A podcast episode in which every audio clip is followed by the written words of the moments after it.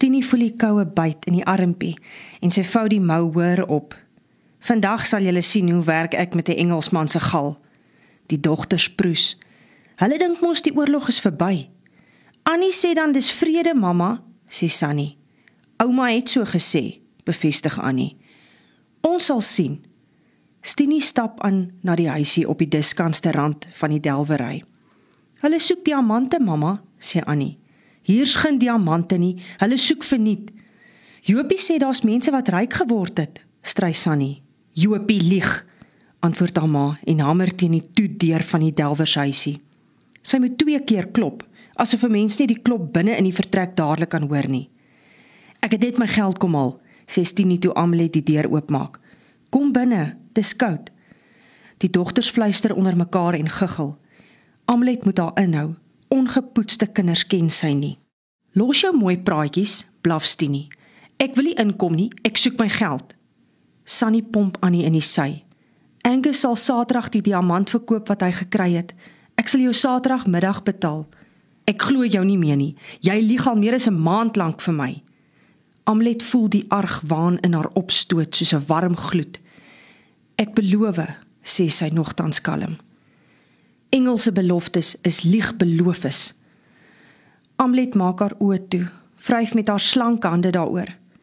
Ek het nie nou geld nie en ek vra jou mooi vir net een bekertjie melk. Jy kry niks meer by my nie. Ek ken julle delwers. Die dogters stamp aan mekaar en fluister. Toe Angus Marie om die hoek van die huisie kom, draai Stini weg asof sy die man nie sien nie. Vir 'n vuil delwer is sy nou nie lus nie en vir 'n Engelse delwer nog minder. "Middag," sê Angus, maar Stini groet nie. Hy staan daar en agterna kyk. Dit moet die weduwee wees, besluit hy, want so van agter kan hy sien waaroor die manne kroegtyd praat. Stini en die twee dogtertjies is al die duitjie deur op pad terug al met die twee spoortjie paadjie langs. As hy reg verstaan, moet sy verby die opstal stap oor die groot pad, want haar plaas lê glo oor kan die pad. Toesniet, hoor hy by Jakob, is haar plaas se naam en dan lag Jakob, maar Angus verstaan nie mooi hoekom nie. Hy draai na sy huisie se deur toe. Die vrou het seker haar melkgeld kom vra.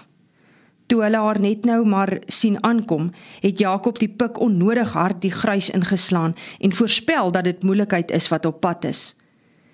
Jy moet loop kyk. Mooi vrouens is moeilikheid op die kleims, het hy bygevoeg en met sy werk aangegaan. Angus stoot die deur oop.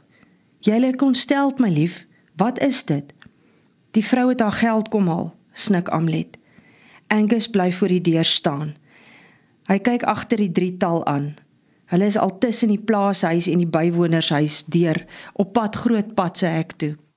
Vir 'n oomblik lyk dit asof hy dit oorweeg om agter hulle aan te loop, maar hy ontspan toe Amlet hom sag aan die mou vat. Los maar. Angus haal diep asem en eers toe hy dit hard uitblaas, steek hy sy hand in sy baadjie sak. Amlet herken die botteltjie wat Angus uithaal.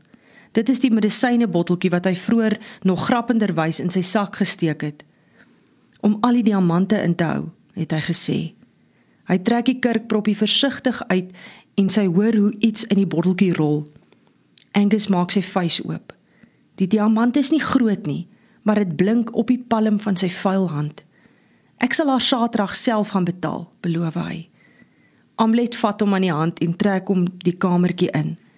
Ek sal liewer self gaan, spot sy.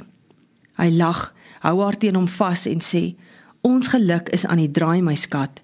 Ons het vandag nou al twee klippies uitgehaal." Die glimlag op Amlet se lippe is flouerig. Nogtans sê sy: Ek kan nie so lewe nie, Angus. Nog net 'n klein rukkie. Angus hou haar 'n entjie van hom af weg. Jy moet jou nie so ontstel nie, my vrou. Dis nie goed vir jou of ons baba nie. Ek weet, maar ek kan dit nie keer nie. Nog net 'n paar blinkes en ons kan ons kind in Skotland gaan grootmaak. Ek kan nie wag nie, sê Amlet. Draai om en haal 'n sambuk blikkie van die rak tussen die pierings af. Sy gee die plat blikkie met die wit deksel vir Angus. Hy sit die diamant in haar hand en maak die deksel van die blikkie versigtig oop. In die groenerige salf blink die klein diamantjie wat hy vroeër in die salf gedruk het. "Hoekom druk jy die goed in die salf?" Het sy al verbaas gevra. "Hulle sê dan raas dit nie.